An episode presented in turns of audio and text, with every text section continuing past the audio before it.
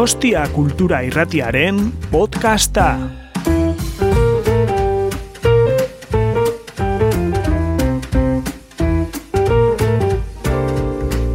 Bueno, hasiko hasiko era. Ah, txaldeon. Eh, asko tortzeatik. Eh, udaberriko egun honetan. Eh, bueno, mm, Palaza, eh, hemen erekin.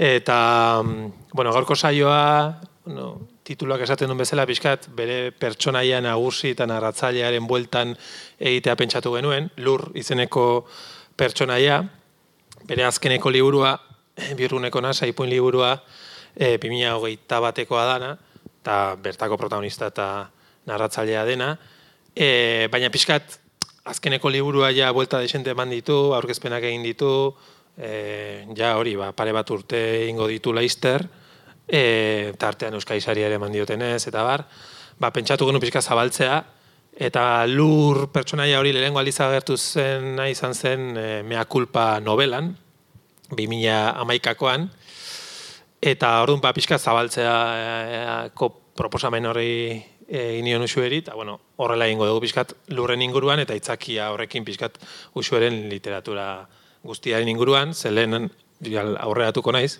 baina e, lehen aritu gere hitz egiten baita ere, eta bere lehenengo liburua e, ume gezurak es- esaten dutenetik e, 2000 eta bostekoa da, ereinen argitaratu zena, ipuin liburua baita ere, eta berak esaten ziren orain a posteriori pentsatuta, ba, bertako ipuinen bat edo igual lurrek idatzia ere bazela, naiz eta horrein lur personaia bezala ez agertu, baina igual hortaz gero hitz egingo dugu. E, edo zein kasutan, lu- mm, usue, hasi zen berri, berrian, berrian hasi zen idazten, e, zutabe, zutabetan, e, zutabe gile moduan, jarraitzen du zutabe gile, gile moduan, eta nik uste, ba, bueno, euskaraz dugun zutabe gile interesgarrienetako badela, dudai gabe, baina, e, berak ez, ez ez esango du, pentsatet ez ez esan dula, e, baina hortaz aparte, bueno, hori, gero liburuak esan duan bezala 2000 bost umeek ezurra esaten dutenetik, 2000 maika mea kulpa novela, eta biurruneko nasa 2000 goita bat, horren bi ipuin liburu eta, eta novela bat. E, mea kulpan berri irakurri dut, lehen aditu gehitze egiten, zen nik irakurri nuen 2000 maikan argitaratu zenean, eta orain berriro irakurri dut, eta, bueno, igual gero hitz egingo dugu, baina impresio, nahiko impresio egin dit, eh, horrelako paradoja moduko bat sentitu dut, alde batetik, amairu urte pasa dira, e, liburu argitaratu zenetik, baina sensazio izan dut, asko zurte gehiago pasa izango balira bezala. Eta agian bada, e, liburuko gai nagusi edo zentraletako bat dela Euskal Gatazka delakoa, eta horren bueltan, ba, bueno, egoera soziopolitikoa ere asko aldatu dela urte hauetan, eta pixkat sensazio hori izan ez? Askoz urte gehiago pasa izan balira bezala. Baina era berean ere ondo sartutako liburu bat iruditu zait, ze ustez proposatzen duela ahots bat gaur egun nik bintzat ez dintzuten ez dudana. E, memoria kontuak diela eta, ze askotan memoria kontuak diela eta edo olako anztura moduko batean sartzen gera, ez, ba, interesatzen ez eizkizigulako gauza asko ba, oso bortitzak eta gogorak izan zirela, edo baita ere askotan, ba, segun beste lerro batzuetatik, ba, hain justu lehengo dinamika berdi, berberetara itzultzea proposatzen da. Ez da, hortik kanpoko ahots moduko bat edo topatu dut novelan, e, berriro irakurri dudanean, eta alde horretatik, bueno, interesgarria irutu zei baita ere, ez?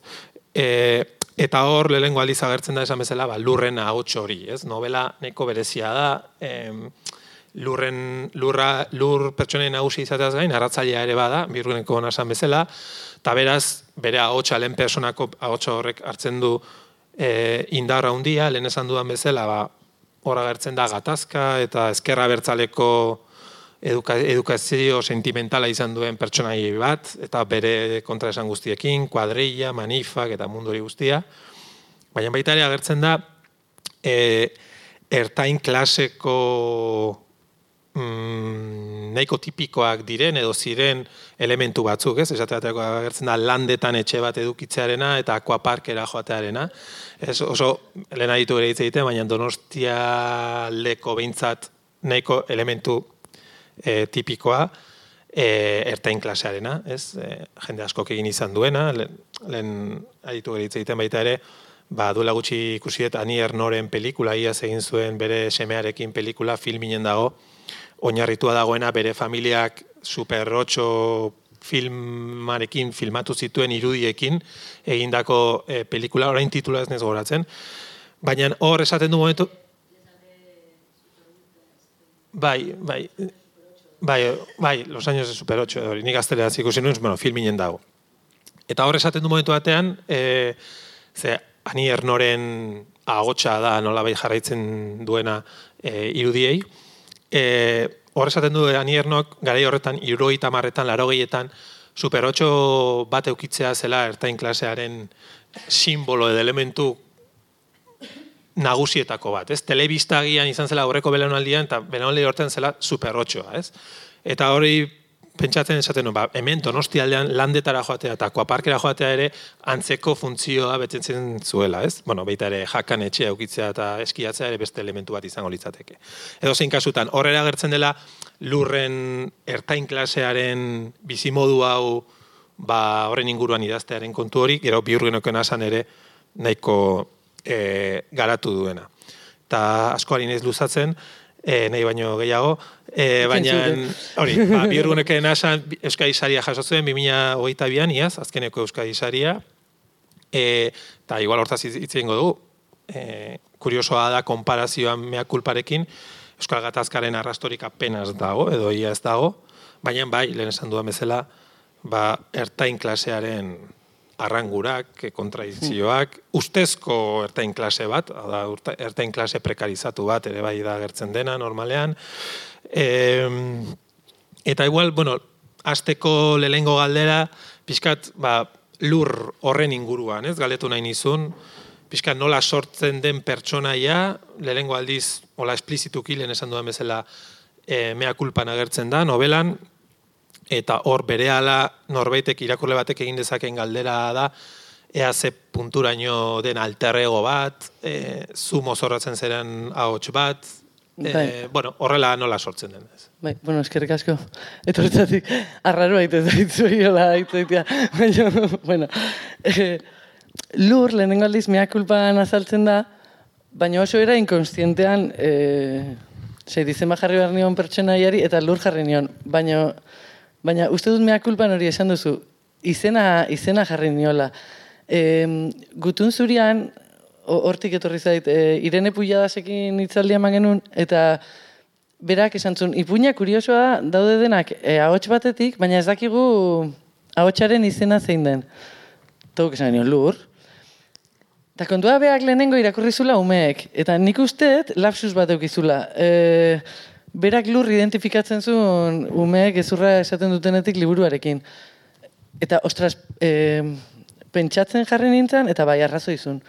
E, umeek, eta ez ipui batzu bakarrik. Ipui batzutan, nabarmenagoa, iruditzen zaidalako e, narratzaia bera dela, e, lehenengoan, eta gero hiru badaude horre referentzia, ez eta novela amerikar badana, hor personaia bera da, eta nik uste hori oso lur dela, baina besteak ere bai. Eta e, mea kulpan, garbi eta biurguneko nasan, bueno, gero hitz egingo dugu, e, ja izan da askoz konstienteagoa, ostras, onar, ja onarpen bat, nire buruari e, denbora guztian lurren ahotsetik idazten duzu.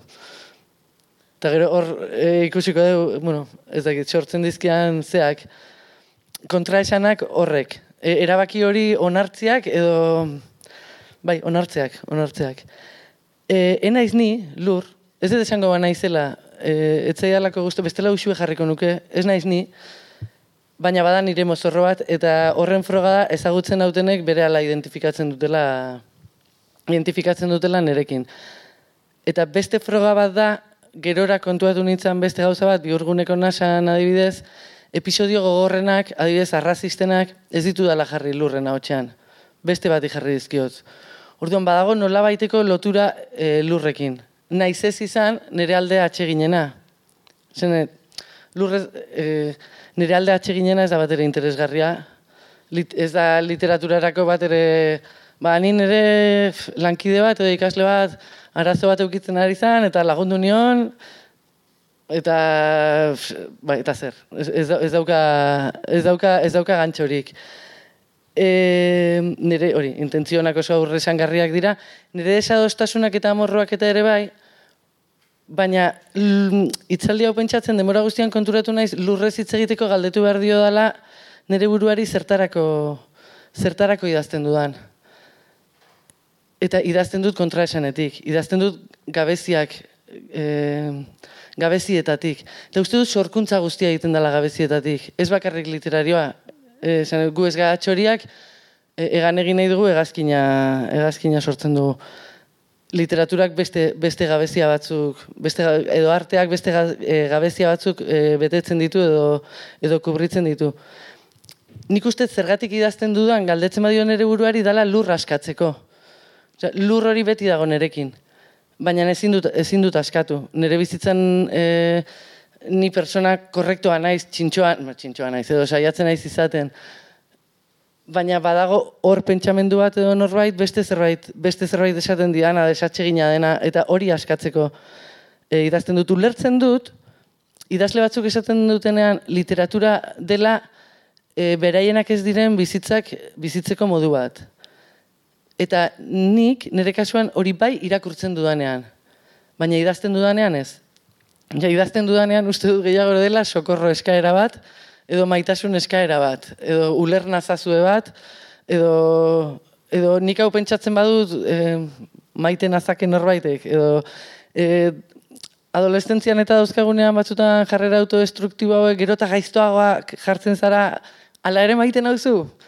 Ez, amari edo guraso edo e, e, egingo dut aldudan okerrena eta hala ere maiten hauzu? Edo ulert, ulertu dezakezu hau? Eta uste dut lur e, hori dela, mea kulpa, oso garbi, e, mea kulpa oso oso garbi, eta hemen ere bai. Eta gero badago beste kontu materialago bat iruditzen zaite, e, lur izateko denbora guztian e, ahots bera. Eta e, ez dauka dela imaginaziorik. Zer, ez naiz imaginazioa daukan idazle bat, ez egia da. Eta ez daukat denborarik ikertzeko e, izateko beste ez dakize pertsonaia. Orduan, apuntetatik bizi naiz, oso azkar hartutako apunteak, eta horiek denbora guztian e, ahots, ahots beretik sortzen, sortzen ari dira. Eta uste dut, hola, lehenengo, eta ideologia. Uste dut lur, enaizela ni, edo e, ekintzen aldetik enaiz ni, edo gertatzen zaizk, edo bai, eh, batzutan, baina uste nire ideologia bera daukala, edo bere e, ideologia ideala e, nerearen berdina dela. Hori oso garbi. Edo kontraesanak sortzen zaizkiola, e, neri morala iruditzen zaidanetik. Ez dauka nerea ez da moral bat, nere morala dauka. Gero beste gauza bada, moral horren arabera funtzionatzen duen edo ez. Ez, no, e, ezin du, edo, bueno, e, kontraesan hori, eh? diskursoen eta aldugunaren artean, e, nola baldin bazaude azken i- em, azpi-azpian izan zaitezke morala, duintasunerako ze aukera daukaz, hori guztia, baina bere ideala nerea, nerea da. Edo lako zerbait. E, aipatu zuen, e, literaturen kontzeptzio hori, ez? Hain, hain justu esan duzun, um, ez pixka bat, eguneroko aurpegi atsegin horretatik kanpo dagoen hortik idaztearena. E, ez daki ze punturaino ikusten duzun, oda, ematen duzure apostu literario hori dela, baina esango nuke ere ez dela apostu literario oikoena. No, izaten, edo agian zuri interesatzen zaizuen literaturena, bai. Baina ez dakizuk ikusten duzun inguruan, eta adibidez harrerarekin lotuta, ez? E, irakurleen aldetik hori ulertzen, sentitzen duzu irakurleak ulertzen duela ikuspegi hori, edo hor badaude desajusteak, e, Bale, zeri esaten diogu irakurlea. Bai, Bai, eh? baina irakurle ez zen, esaten- bai, bai, bai, ez. E, a ber, uste dut gehien irakurtzen den literatura, gian ez dela hori, baina e, literatura ona, nik uste dut, bai, normalean baietz. Kont, e, kontraesenekin zer ikusi daukala. Gero, niri ona iruditzen zaidan literatura ez da irakurle gehien dauzkana. E, zen, bira, Ana Malagon, niri da, iruditzen zait, bueno, eta Danele, Danele igual, ez dakit zema saltzen du, igual, baina, ez edo Lizarralde, niri e, pasa bat iruditzen zaizkidan idazleak, igual ez dia gehiena saltzen dutenak. E, jode, Belen Estebanek pilo bat saltzen du. Eta orduan, ez, e, karo, hor e, oso zaila nik uste niri literatura hona iruditzen zaidanak baduela zer ikusia kontraesanarekin eta baduela zer ikusia kontraesan hori bilatzearekin gehien saltzen den literatura ba segurazki ez. Baina irakurle irakurlea denak, ez? Esan edo literatura gustatzen zaionak bizioa hau daukanak, uste dut baietz. Eta eta uste dut hoientzat idazten dudala. Zer, nire ambizioa ez da asko saltzea. Ni badauzkat irakurle batzuk, edo persona, pertsona mota bat, edo pertsona batzuk, hoiek nahi ditut konkistatu. Orduan, gutxiago dira, baina ez, karo, gero harrera irakurle klubetan eta desastre bat. Baina esan, bai, karo, edo, eta horregatik, ba, Euskadi saria eta lako gauzek, bueno, igual gero erako zan, baina distorsionatzen dute pixka bat hori ere. Zer, uste dut biurguneko nasa ez dela ez dakitzen bat irakurle eukitzeko liburu bat. E, eta batean horrelako sari batek edo ateratzen ditu plaza batera ez dago kiona. Orduan, ez, e, gero ez da egongo erantzuna. Ez, ez, dago, ez dago hainbeste publiko liburu honentzat. E, baina hori ez da txarra. Hori igual oso ona da. Zer, niri gustatzen zaizkian idazleek ere ez dute euki masa hori, e, irakurle masa hori.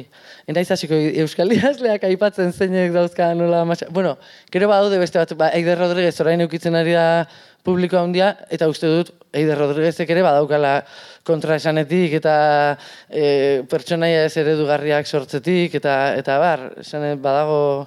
Baina, bueno, ez dakit Eider Rodríguezen hain masiboa dan ere, eh? Esan, oza, bai, baina ez, ez, bai.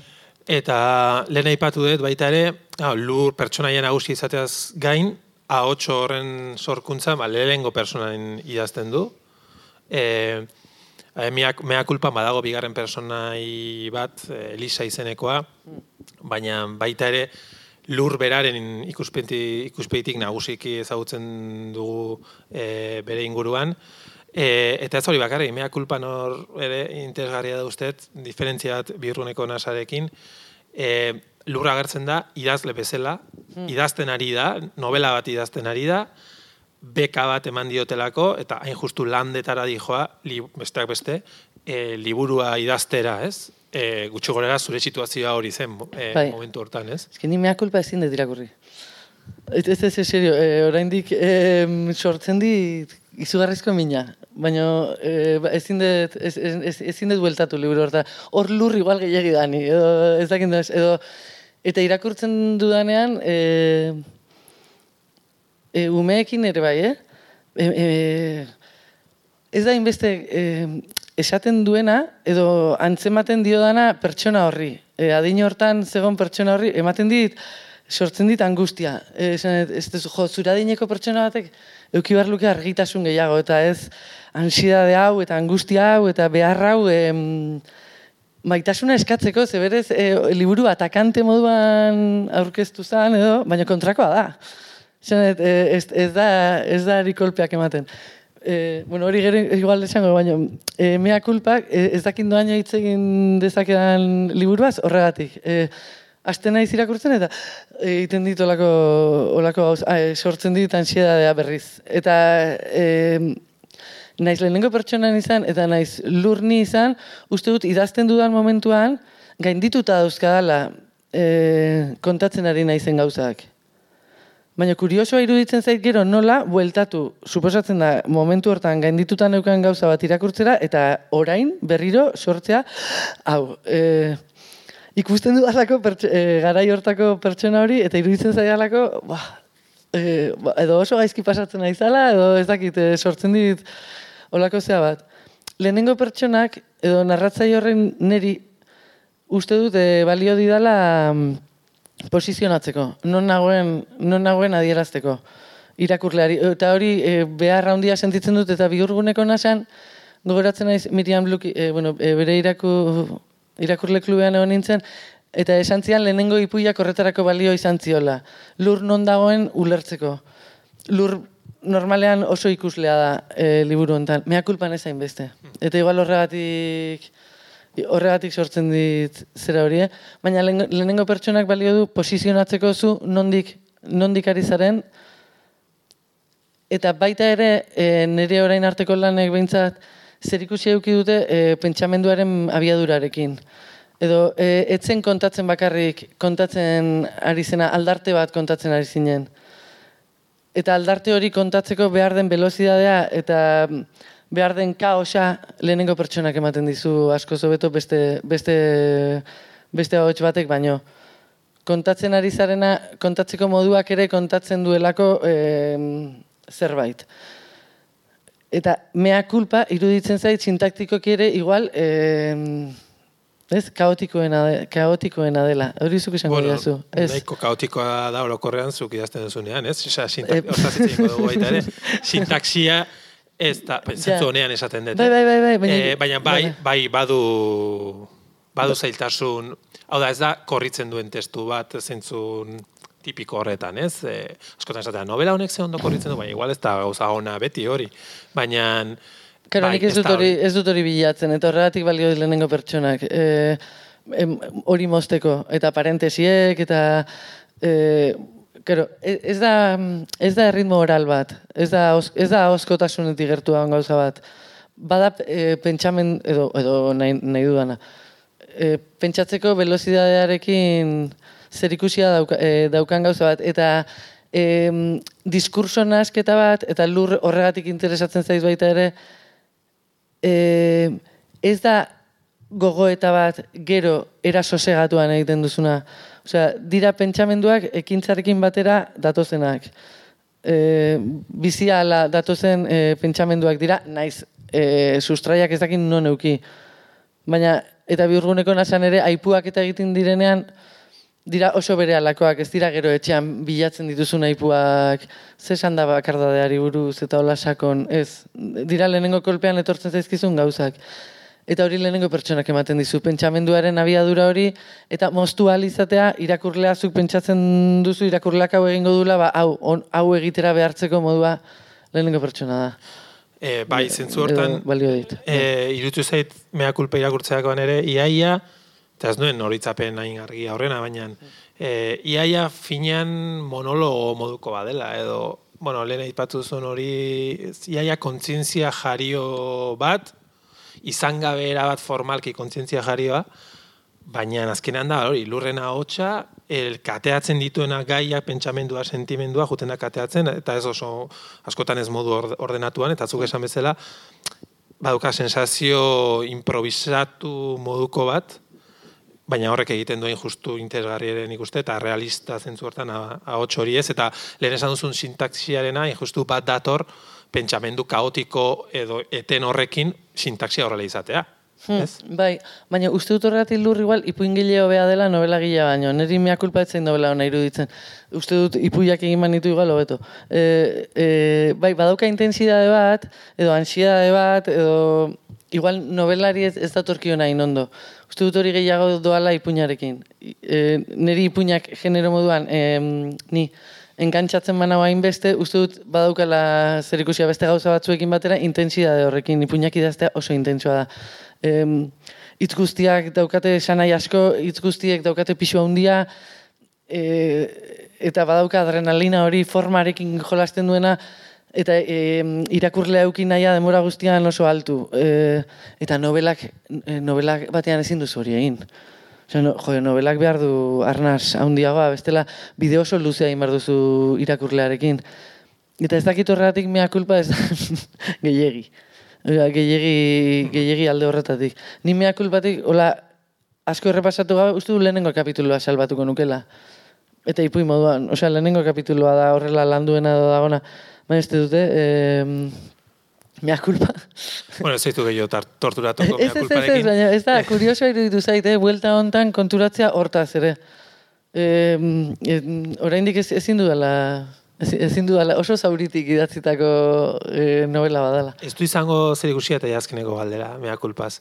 Ez du zer ikusi izango baita ere gaiarekin, Bai, bai, bai, bai guztiz. Ni, ni, ni mea kulpa Madrilen idatzi nuen, Ose, ni Hernanin bizi nintzen, nintzen ultra ezkera hortzen dugu, osea, esan nintzen super gora, eta, osea, esan oso, bai, bai egia, eta e, u, egontzen urruntze bat, niri zauri piloa sortu zizkiana, afektiboak, e, maia guzti, inkluso psikologikoak, dut, bai, eta me- mea kulpa horregatik zan, mm, Gaina uste mea kulpa, kasi jende horri idatzita zegoela, maitena zazue bat da, osea, ez, ez, dezute hau ulertu.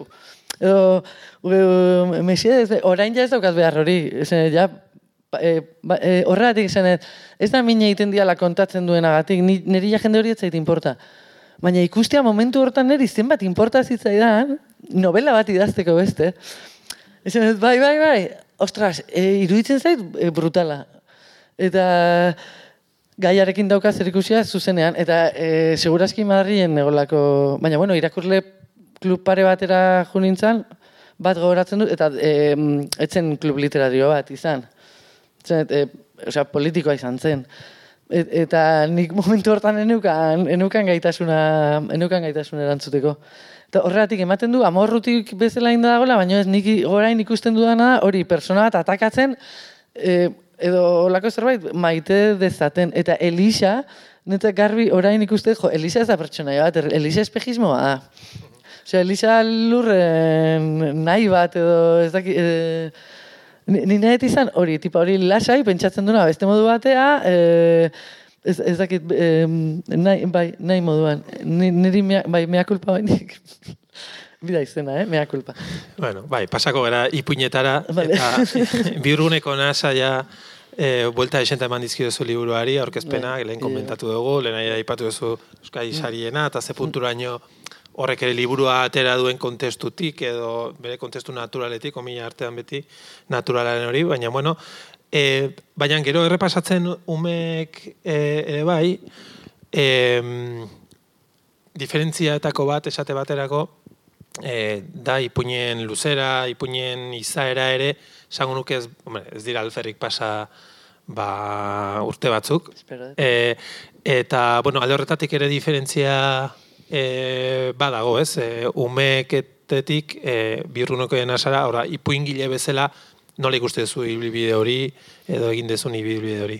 Hombre, lurrelduagoa da, e, iruditzen zait, eta horrek e, lasatzen, lasaitzen zaitu asko, zaitu uste dut amableagoa dela, ez dela hain erasokorra. Eta mm, biurguneko nasa izan da lur, e, lur ja kontzi, e, askoz kontzienteago izan den e, liburua. E, hasieran e, zeuden ipuin guztia lurren ahotsetik. Ez dakit, finkoa Gabrielen ahotsetik eman da zeon, eta beste batzuk ere bai. Eta baina onartu behar izan nuen, ez ez, em, hor lana egon behartzun, edo Gabrielen pertsonaia definitzen askoz gehi, osea, bere izten sortuta zeuden ahotsak, edo onartu eta ekarri, eta ekarri lurren ahotsera. Eta orduan onartu, onartu nuen lur, lurren ahotsetik idazten dudala, idazten dudala demora guztian, eta horre beldurra handia ematen du. Ze, eta ez dakit kapitalismoaren sintoma baden edo zer, baina zerbait saldu nahi duzunean ezin duzu esan betiko berarekin dator. Claro, e, bai, ez? Esan behar duzu, apurtzaia originala da berria da. E, ez duzu espero hau beren gandik. Ez dago hori. Esan da betiko, claro, betiko, bera, baina, claro, guk da lehengo galdera, zeinentzat idazten dugu, zenbatentzat idazten ari naiz. Igual ez dut saldu nahi hainbeste. Beste funtzio bat betetzen ari naiz. Badauka beste arrisku bat eta da estiloarena. Igual lurrek ematen diana da estilo eh, errex ezagutzen den estilo bat eta hori suposatzen da ona dela marka bat delako. Baina kontrako ere izan daiteke e, bihurtu zaitezke karkasa huts bat, e, forma, forma eta kitxo. Baina bihurguneko nasa izan da e, konsienteki erabaki dudana, ostras, lur, nire alterrego bada, lur da e, nire agotxi literarioa, eta hori onartu behar dut e, li- liburu hontan. Eta bilatu variedadea beste, edo sakontasuna beste, beste modu batzutan. Demora guztian liburu bera idazten ari naiz, ba bai.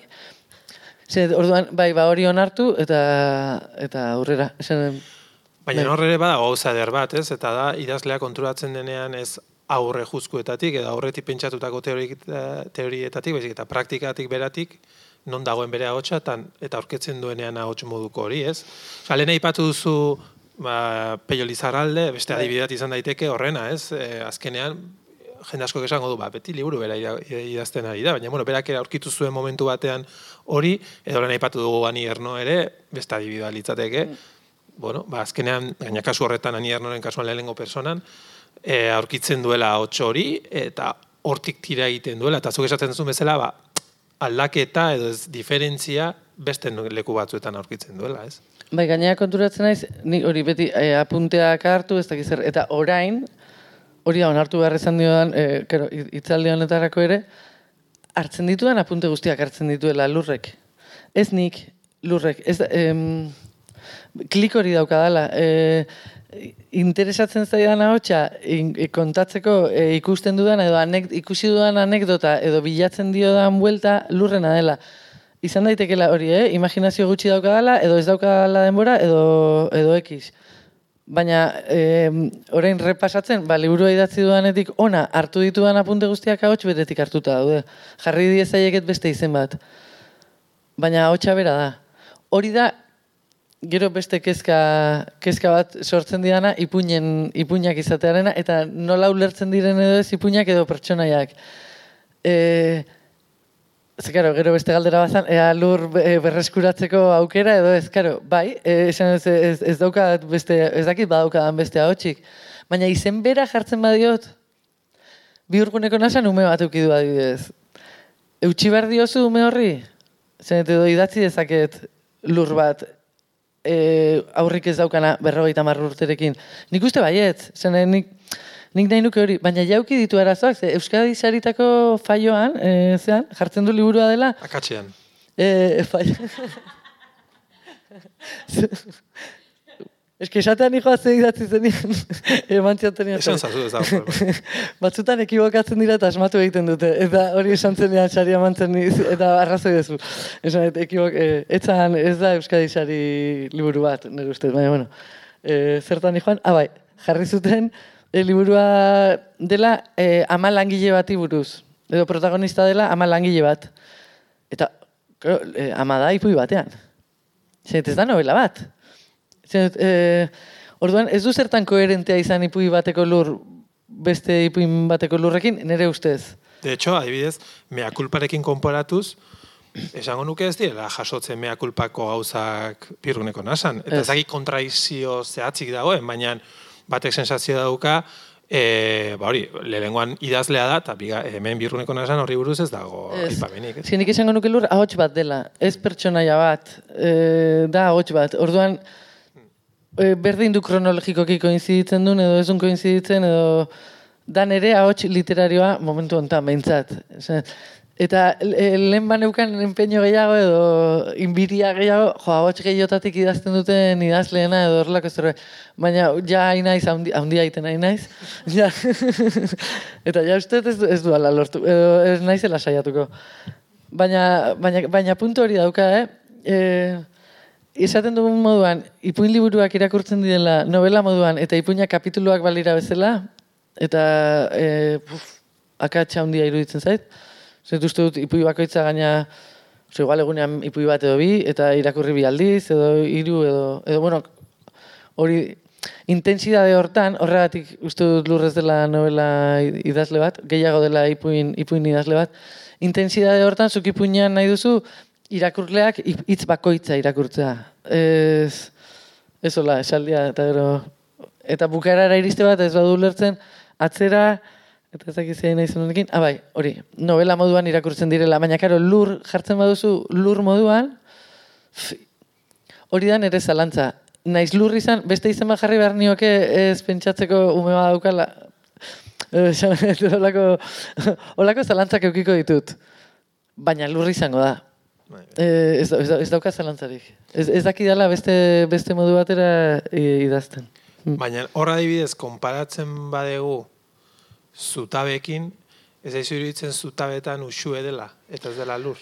Karo, baina zutabetan korrektoagoa naiz, askoz. Esan, ez ditut esaten lurrek esaten, bueno, a ber, bai, lurrek esaten ditu gauzak. Bueno, eh, bueno, zutabeak ere badauka distantzia, baina ez, zutabe batean ezin dituzu jarri gauza mingarriak ez dakize kolektibo, eh, ze hor realidadean naizea, realidadean mugitzen naizea, eta hor Zutabetan ere alegintzen naiz nire posizioa asko markatzen, eh? E, eta abiatzen kasi nire biografiako, naiz ez igual egia izan, nire biografiakoak izan daitezken edo diren gauzetatik e, ikusteko zein naizen. Ose, naiz taksi bat hartzen duen pertsona bat, txuria, ez dakit, em, pertsona hori naiz.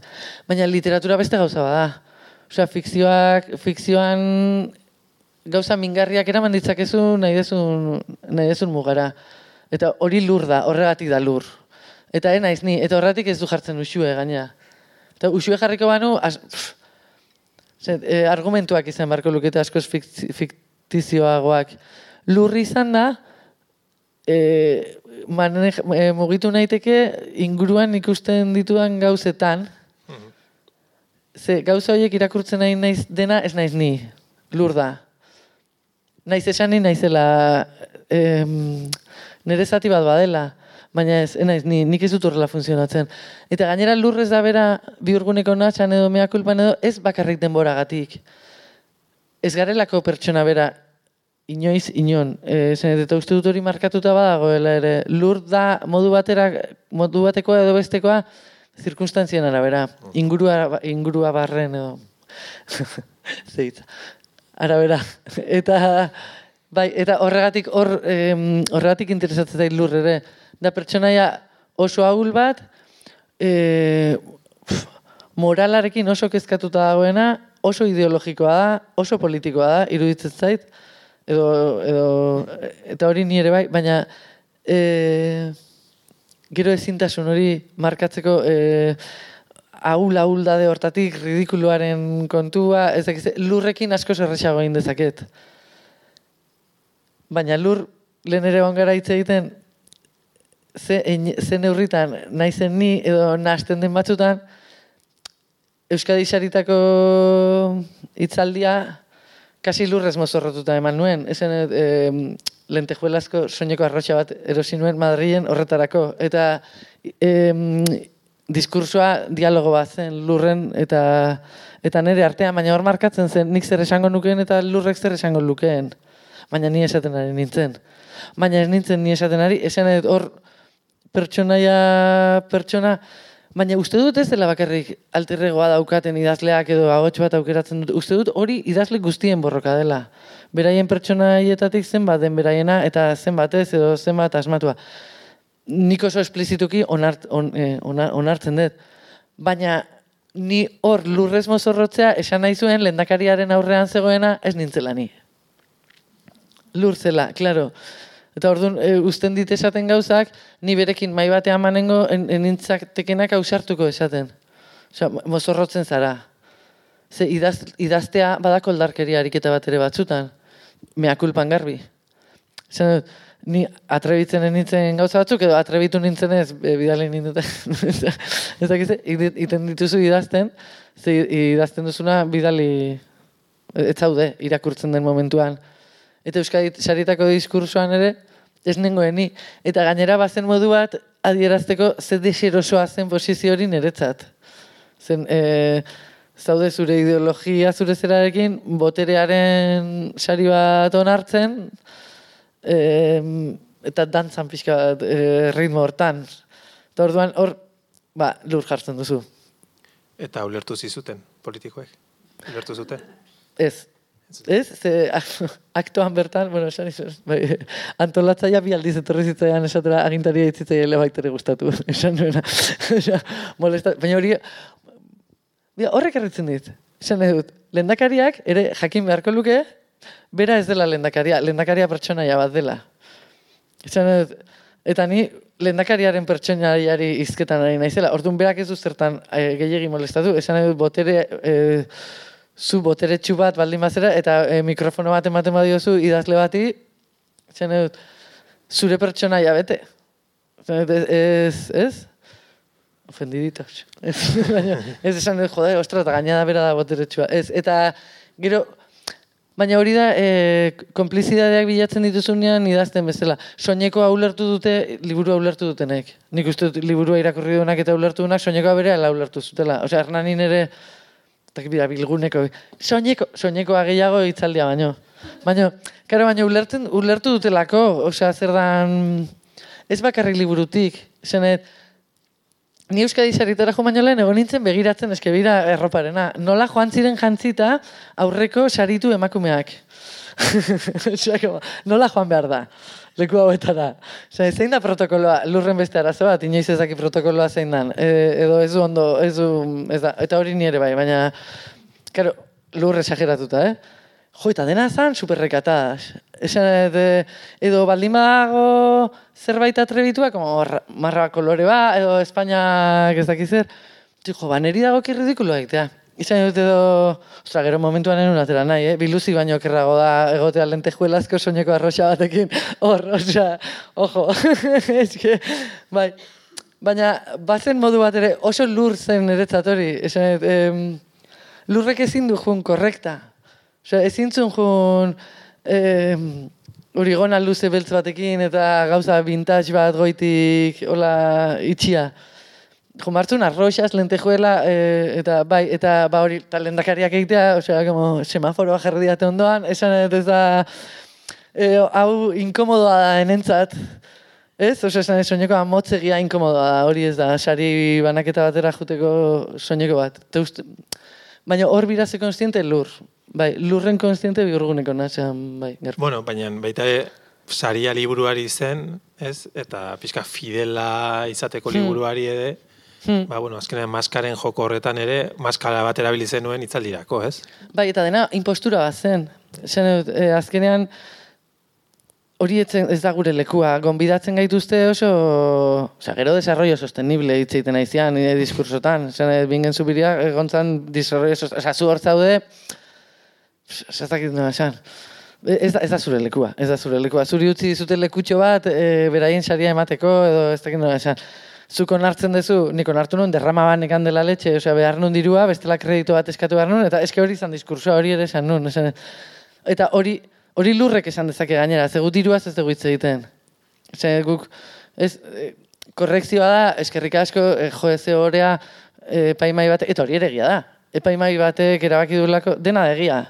Ose, baina berez, berez, morala, indartsua, epikoa, nire aldetik koherentea izango litzake esatea ez onartzea, saria.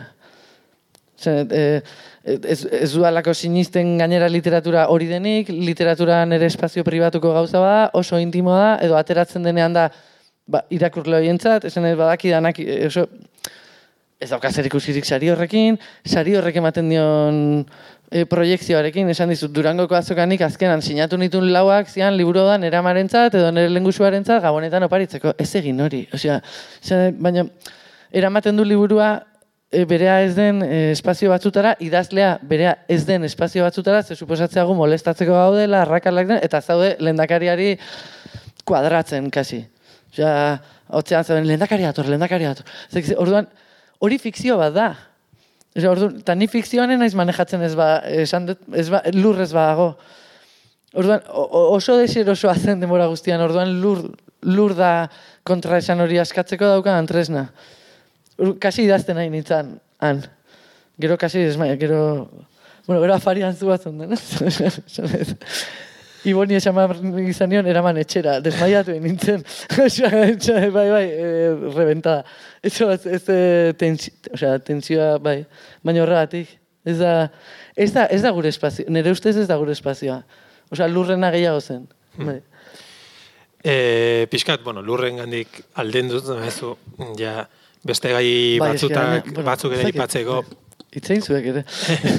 Batzen, bueno, gero, utziko dugu beti ez dela Bai. denbora, baina. E, bai, hizkuntza ereduari buruz ere galetu nahi dizun, ez? Euskera, erabiltzen duzun euskera, edo euskara literario hau, e, impresio daukat, olako jatorrismoaren kontrako e, apostu bat egiten duzula, hau da, ez duzula bilatzen euskeraren esen berezko, ustezko berezko horretan e, ezer, e, erderakadak sartzen dituzu, erderazko, gaztelerazko hitzak ere sartzen dituzu, e, pixkat autu horren inguruan galetu nahi nizun, ze, bueno, orain berriki Katalunian ere pixkat debatea dago, e, zenbait liburua agertu direlako, kasu honetan idazle e, gazte, gazte batzuen liburuak, ja, ia, ia, liburu bilingüe, trilingüeak direnak, asko ze modu, modu e, zabalagoan, zuk egiten duzuna baino, Baina pixkat bai nahi galdetu nahi nizula, pixkat eh, horren inguruan, eh, bueno, nola egiten duzuen autu den, ematen du baietz autu dela, eta, bueno, nola, nola egiten diozun aurre eh, gai Ni horri. hon nintzen kasi eh, elkarrizketa gaztelania zuzteko biurguneko nasan, baina gehi- gehiegi, gehiegi iruditu zitzaidan, eh? Osea, bai. E, neri ideiek literatura iruditzen zaidan moduan, ideien espazioan edo mm, bizitzaren espazioan, ideiak puskatzeko, jolasteko horrekin mugara eramateko, hizkuntzarenean ere e, gauza bera esango dut. Nik eusk, e, euskaltegi batean lan egiten dut, eta itzultzailea izan naiz esango dut. Hor, egun guztia, nago, zuzentasunarekin, e, itzulpen gintzan, e, argitasuna lehenengoan ulertu behar da, e, ez dakiz, literatura niretzat ez da horretarako espazioa. Osea, literatura da zikintzeko, literatura da horrekin ere jolasteko, eta literatura da isladatzeko baita ere. E, nik ezin dut, e, ni, em, ni isladatzen ari baldin naiz, e, jonki bat, edo e, ez dakit zer bat, nik mierda esaten dut. Eta e, jarri naiteke ikertzen, hori esaten genuen beste batean, e, ez dakit, e, iparraldean ez dakit noiz, jeringila esateko erabili zuten, ez dakit, ja, ja, ja, baina eske oi hartzuna ez da, e, oi hartzuna ez da hori. E, beste esparruetan, naiz nahiko ultra euskeraren kontuarekin, esan e, nire ustez unibertsiadeko irakasle jakin dute euskera, perfecto, zebi, esan e, medikuak ere bai, e, paileak e, zer esanik ez, nik ezagutu behar dut tresna ondo, Osea, nik kontrolatu behar dut tresna ondo, baina ez emateko zuzen, argi, nik hor beste lan badaukat. Osea, eta iruditzen zait, sintaxia puskatu behar badut, ba, esaten genuen, ba, menpeko perpaus bat jarri behar baldin badut, puntu ondoren jarri. E, ba, puskatzeko, e, nahi dudana puskatu momentu horretan. Hori da zuzenena? Ez. Ikasle bati zuzendu ingo genioke. Ze, suspendituko duzu azterketa. Vale. Baina, baina literatura niretzat ez da, ez da horretarako espazioa. Ba, daude beste espazio batzuk borrokatzeko hori guztia, zuzentasun ideologikoa es, eskatzen ez diodan moduan literaturari, ez eredugarria izatea e, ba, hizkuntzan ere eta, eta oso garbi gainera. Ez, eta da jo- jolasteko, jolasteko espazioa. Aekako liburu zeatan bebi mailarako da. Bebi? Bai, birru. Bai, Hola katalogatuta dago. Bai. Bai, bai. bai. Ez dut uste bi, bebi ateako dezunik hau ere dutzat eukita, baina bueno. Ez da ere, ez egia da. Ez da be bat ere, ez ez ez bai, ez ez egia da. Eta mm, irakurle taldetan eta joan izan zarenean, horren inguruan aipatu izan dizute zerbait? Ez, hizkuntzan zean ez. E, mea kulpakin, bai, bai. E, tipo, a ber, e, iparraldeko norbaitek e, zer egin beharko lukeen, e, zer... Maizki inglesezko es, espresioak ere jartzen ditugu. Uste dut orain txebert, eski, gainera Google dakagu edo ez dakit interneten zean oso azkarra iruditzen, oso, oso azkarra iruditzen zait. Osea, ez dut uste iparraldeko batek benetan ulermen arazorik daukanik ni gaztelerazko gauzak jartzeagatik itxarok frantsesez ere jartzen esan ez dago ez, ez diot ikusten, ez diot ikusten arazo hori. Em, bai, e, lehenengo, lehenengoarekin bai gehiago. E, irakurle klubetan, hau euskera da, zer da? Olako komentarioak bai. Edo zu badakizu idazten, edo... Baina, bueno, lehenengo liburuarekin eske oso animatu zegoen jende guztia. Ze, bai, bai, e, baina hizkuntzarekin eta ideiekin, osea, iruditzen zait orain esango elizkiaketen gauza asko esan zitzaizkidala. Em, baina adina ga- orain ez, berrogeita bi urte dauzkat, eta ja, kastelera txata bezala, le cruzo la cara, baina, ez ez baina, bai, bai, baina zan irakurri lehenengo ipuia, eta ez da esuna guarra, osea, esan komentarioak oso, ostras, ez zian, zuten haizu izan Bukowski, osea, oso, bueno, beste, beste gogortasun batekin zijoaztin. Eta hizkuntzan aldetik ere bai, eta bi urguneko nasan ja, uste dut dena lasaiago, ja urte gehiago dauzkazulako, urte gehiago idazten, uste dut ja, zikindu dala hizkuntza beste batzuk ere egin dutela. Eta ja, relajatu gaudela, horrekin nahi etzait iruditzen, baina, bueno, bai. Bueno, Mikel Azurmendik idatzi du bi urguneko nasa, ez, ez, eh, gauza horiengatik, bi urguneko nasak islatzen dula literatura nazional baten ezintasuna. Eta nola ulertu duzu hori? Bai, bai, referentziak ez dialako euskal, euskal referentziak. E, ba, pelikulak inglesak dira, edo musika ez, u- nik, nik diote, eta e, bai, eta euskera, euskera e, aukeratutako hitzak, ba, lehen nola aukeratzen zituzten beste, beste hitz batzuk, ba, zeagoak, edo ez dakit. Baina, bai, bueno, bai, kezka hori badago, baina eski nik ez dut uste hori literaturatik egingo dugu, nik, nik ez dut nazio egintza rako idazten. Eta gaina uste, eh, eh, hori eh, euskal literaturaren oso kaltetan jun daitekela, ze literatura irakurlea, edo nik buruan daukan literatura irakurlea, ez doa hortara irakur, literaturara. Edo ni behintzaten nintzen jun literaturara erantzun bila, eredugarritasun bila, e, literaturara zoaz, lehen esan duguna batzuk idazten lortzen dena beste bizitza batzuk bilatzea, edo beste mundua nabartzea, mundua komplejizatzera eta mundua puskatzera, erantzunei puskatzera. Bai, hizkuntza, hizkuntza ere bai, eta e, joden hemen bar baldin badegu, ze bateko azterketa gainditzeko bezala, uf, lo hartzezu, eh? Osea, e, testu antolatzaileak, Osea, claro, gorrotagarri, literaturan testu antolatzaileak nahiko gorrotagarriak. Osea, esan dut oso dirigistak dira. Osea, eta esaten dizute honek, honek eta honek zelotura uki bar duten. Hau lehenengo eta hau azpian, edo hau... Eta zuzentasunean justu kontrakoa da, eta argitasunean. Osea, irabili bar dituzu pilo bat, eta ideak super ordenatuta, eta ez, ez, ez, literatura ez da hori, nire ustez. Eta horrekin lotuta impresio ematen du, bueno, beste, elkarrizketa batzutan irakurri dizut, ba, nahiko motel idazten duzula, edo bintzat asko berri idazten duzula, Bai. Osa, argitaratu ere ikusi dugu, ba, urte desentetan e, hiru liburu argitaratu dituzu, orduan, bueno, e, ez dezula presarik idazteko, eta, bueno, berri argitaratzeko. bai. Argitaratzeko. Bai, ez. Eta ni, eske nik uste ipuina ez dela hartzen duzun lehenengo apunte hori, osea, ipuina da berri dazketa, berri dazketa, berri dazketa, hortatik sortzen dana. Eta ez publikatzeko, ez, presarik ez, Euskalo publikatuko dugu berriz, bai, bai, ez da, bai. Bueno, ba, ezaki galdera hi dagoen. Publiko, publiko zabala dugu Orain hemen, ez, eta... Eh? Ah, vale. Ba, ba, komentatu, bai. Vale. Bai, karo, bai, hori gira. Bai, bueno, pues komplejo horik ez, e, sei pertsona gaudelako. Ni crossover e, hori e, serieaz eta beste gauzetaz duela hiru aste donostian egon den bombota platillo, ez dakiz zenbat e, per- egunkaritako horri bete dituen eta bar, egon nintzen lehenengo egunetan, eta bueno, e, arkaiz kanonerenean uste dut amar pertsona geundela, eta kamarak ia gehiago pertsona baino. Eh? Begarrenean, iratxe fresnea da izan zen gonbidatua, hiru pertsona zeuden. Eta bi urrengo ekitaldian eh, aurkezle zirelako. Eh? Orduan, Basko Ba, gertatzen eh, da. bai, galdetu beharko diogu geure buruari zergatik gauden egoera honetan igual. Eh? Ze, claro, eh, sarritan nola artefaktua dela, bestea dela, eh, literatur mm, emanaldiak egiten direla. Pertsona bera hain, osea, gu ez gara horren beste, eta pertsona bera hain dago erabilia, nik ez dakit erabilia sentitzen zareten, baina hain dago erabilia, ba, orduan, mm, holako, bueno, Eta hemen bertan ere ikusi dut beste eremu batetik, zientzia eremu batetik, ba, Lourdes Errasti, dela aranzadik, arantzadiko ikertzaile famatuenetariko bat, dauka kriston lana eta bat, eta geunden, ba, ez dakit dozena bat geunden. Osea, bi hemen lerroak eta punto.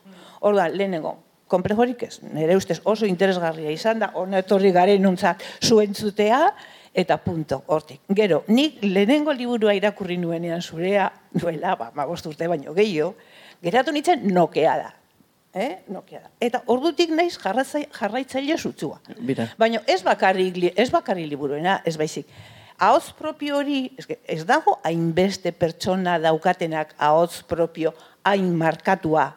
Ez? E, orain zuentzun, zuentzuterakoan pentsatu dut, behar bada dela, zuk esaten desuna, abiaduraren hori, eta ikusteko modu horrena, eh? horren ondorio, ze gero jarraitu zaitut Madrilen zeundenean egiten zenuen irratiko elkarrizketak, eta iruditzen zitzaidan, jo, ba, beti zeundela kontrapuntua bila. Edo beste, beste, e, beste gauzak azaltzeko modu bat. Eta superinteresgarria iruditzen zait. Orain, argian jarraitzen zaitu. Igual, denpora gutxiago daukazu, eta laitago da. Ez? Baino, hor ere, berriz errepikatzen da. Zer gertatzen da? Bazu, guk artista plastikoa behiratzen baditugu, batzuk izango dira hiperrealistak, besteak izango dira surrealistak, besteak izango dira e, kolore mantxakin egiten dutenak, eta bakoitzak, ho- hori da bakoitzaren, bakoitzaren ezaugarria, orduan, zure liburak edo zure e, artikuluak irakurtzen ditugunean, bueno, irakurtzen ditugunok, ba, e, hori bilagoaz. Eh, orduan, ni pentsatzen dut, ba, hori dela, hori dela plus bat ematen diona artista bati, idazle bati, ez? Orduan, alderdi horretatik mm, ikusteko modu hori eta bideratzeko modu hori oso originala, naiz eta sarritan kritikariak ez duten ezer ulertzen, eta idazleok, o irakurleok ez garen gai iristeko horra. Baina, bueno, zu artista bezala edo, edo literatura egiten ari zaren pertsona bezala, zeurearekin jarraitu beharko zenuk, eta zeurea landu eta zeu, zeu izan. Eh? Orduan, Eskerrik asko. eh, alderdi hortatik ikusten dut oso, oso, oso ondo.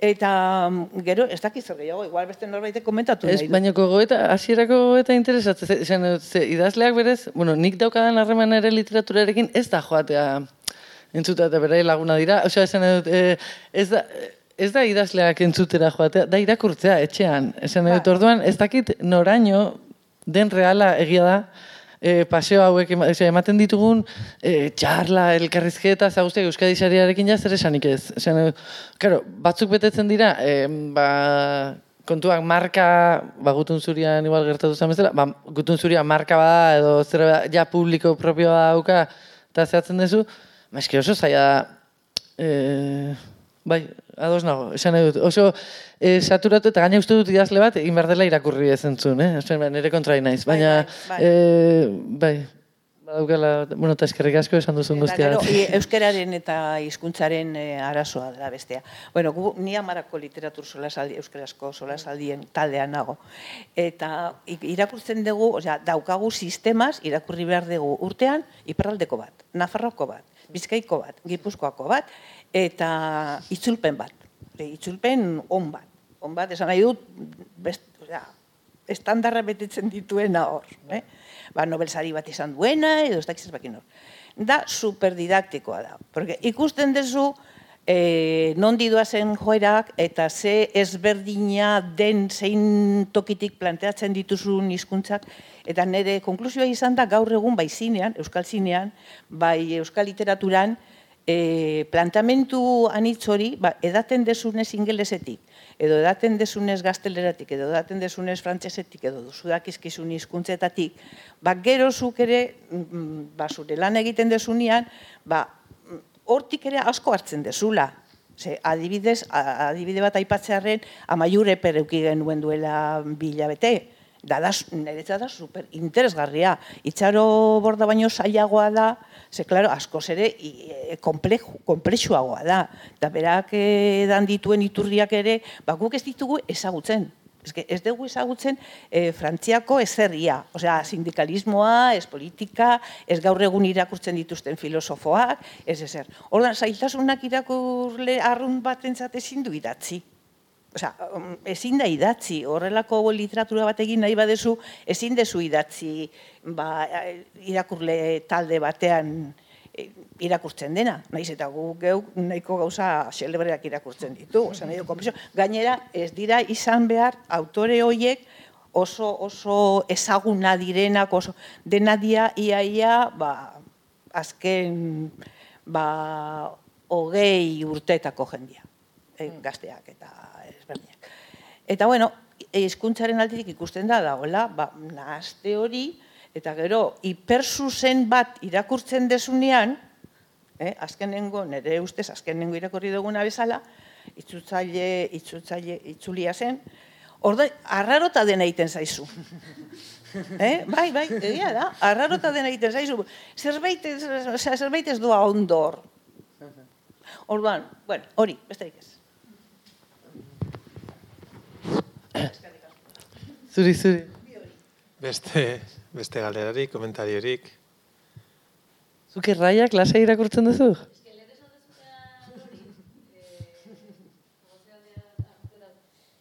E, lehenago zean kontatzen nola bizzenun mea kulpa horreman dezun azalpen hori dana komentatzen eginean da analizaten nion en plan, boa, eske uf, ulertzen Vale. vale. perfectamente, bai. Osa, uste ez dela bizia inbesteko, osa, aldet, e, Nik daude, erraiak ikusten nion hori. daude puntu batzuk grazia egiten diala eta dana. Osa, daude puntu batzuk bezala, jo, que exagerada edo gauza batzuk grazia egiten diate. Eta gauza batzuk gustatu egiten dizkit, o incluso eh, harritu. Baina badago beste parte bat asko ulertzen nuan azan, e, hori, dala, e, oza, nik enuken, enuken egin izango galdu izan baliate azalpen hori, baina esaten nahi zenean bezala zen eman, bai, bai hori da, ez? Piskat, empatiatzen duzu garai hortako personakin. Horan, gau, segunda zerekin berdin zait, baina gauza Nik irraiak ikusti dut kozka hori, baina ez da nahin kozka. Esan, Bai. badala baita ere, Bai, Osa, bai, bai, bai, bai, bai. badauka, ez, osa, guztiz identifikatuta sentitu naiz. Gero, ez dut irakurri osorik inoiz, beti irutu zedalako gaina, zure liburu bat berrerakurtzea, como muy, Ja, bai, bai, bai, bai. Baina eski esaten nahi nintzen, eta kontuatu nahi zu baina. zinala, eta pentsatu ostra, erraiak ekin ez zaio pasako bai, bai, bai, bai, bai. Ez delako, esa, ez delako irakurri hainbeste, baina bai euki, bai euki dut horrekiko, osa, orain uste ja lasaion, lasaion nagoela horrekin, baina bai zagon bolada bat, genubala hitz egin naiz, esaten nuan, eske, garai hortako nundik idatzi nuan, egiten zean mingarria, egon izan hor, ez hain beste esaten nuan. Hori, hori, hori, hori, Esan dezunak gaina, ados zaude, esan dezu, bai, bai, eske, hau, Bai, baina nuan, eta ados nago, baina da, gehiago, zure buruak ebatezula ternurika bat, esan dezula, ai, Hori, atximurka pixka bat bezala, ez? Bai, total, bai, bai. Bai, zuke, Eh, a ber, Marta eta Ana badakau galderaren bat. Marta.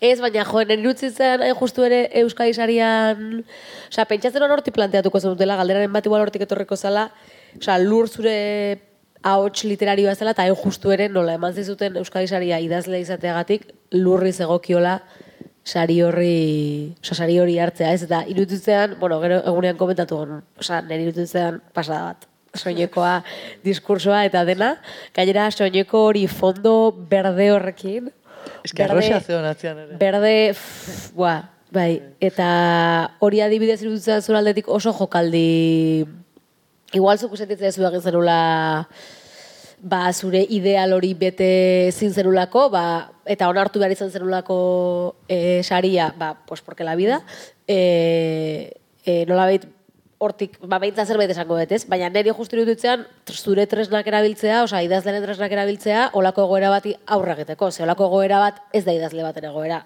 Da, Hori, bai. e, diplomatiko, po, bai, politikarien e, egoera, ez? Bai, orduan, hone, osea, niri iruditzen dela, kriston e, tresna politera, erabiltzen nula. Zuek zinaterako.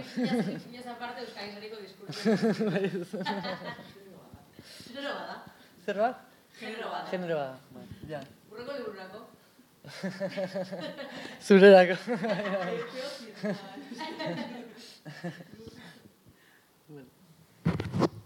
Bueno, ez da besterik dagoen.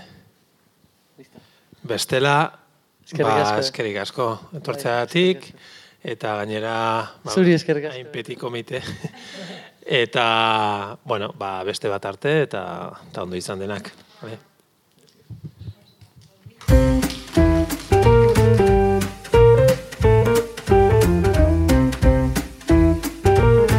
Donostia Kultura Irratiaren podcasta.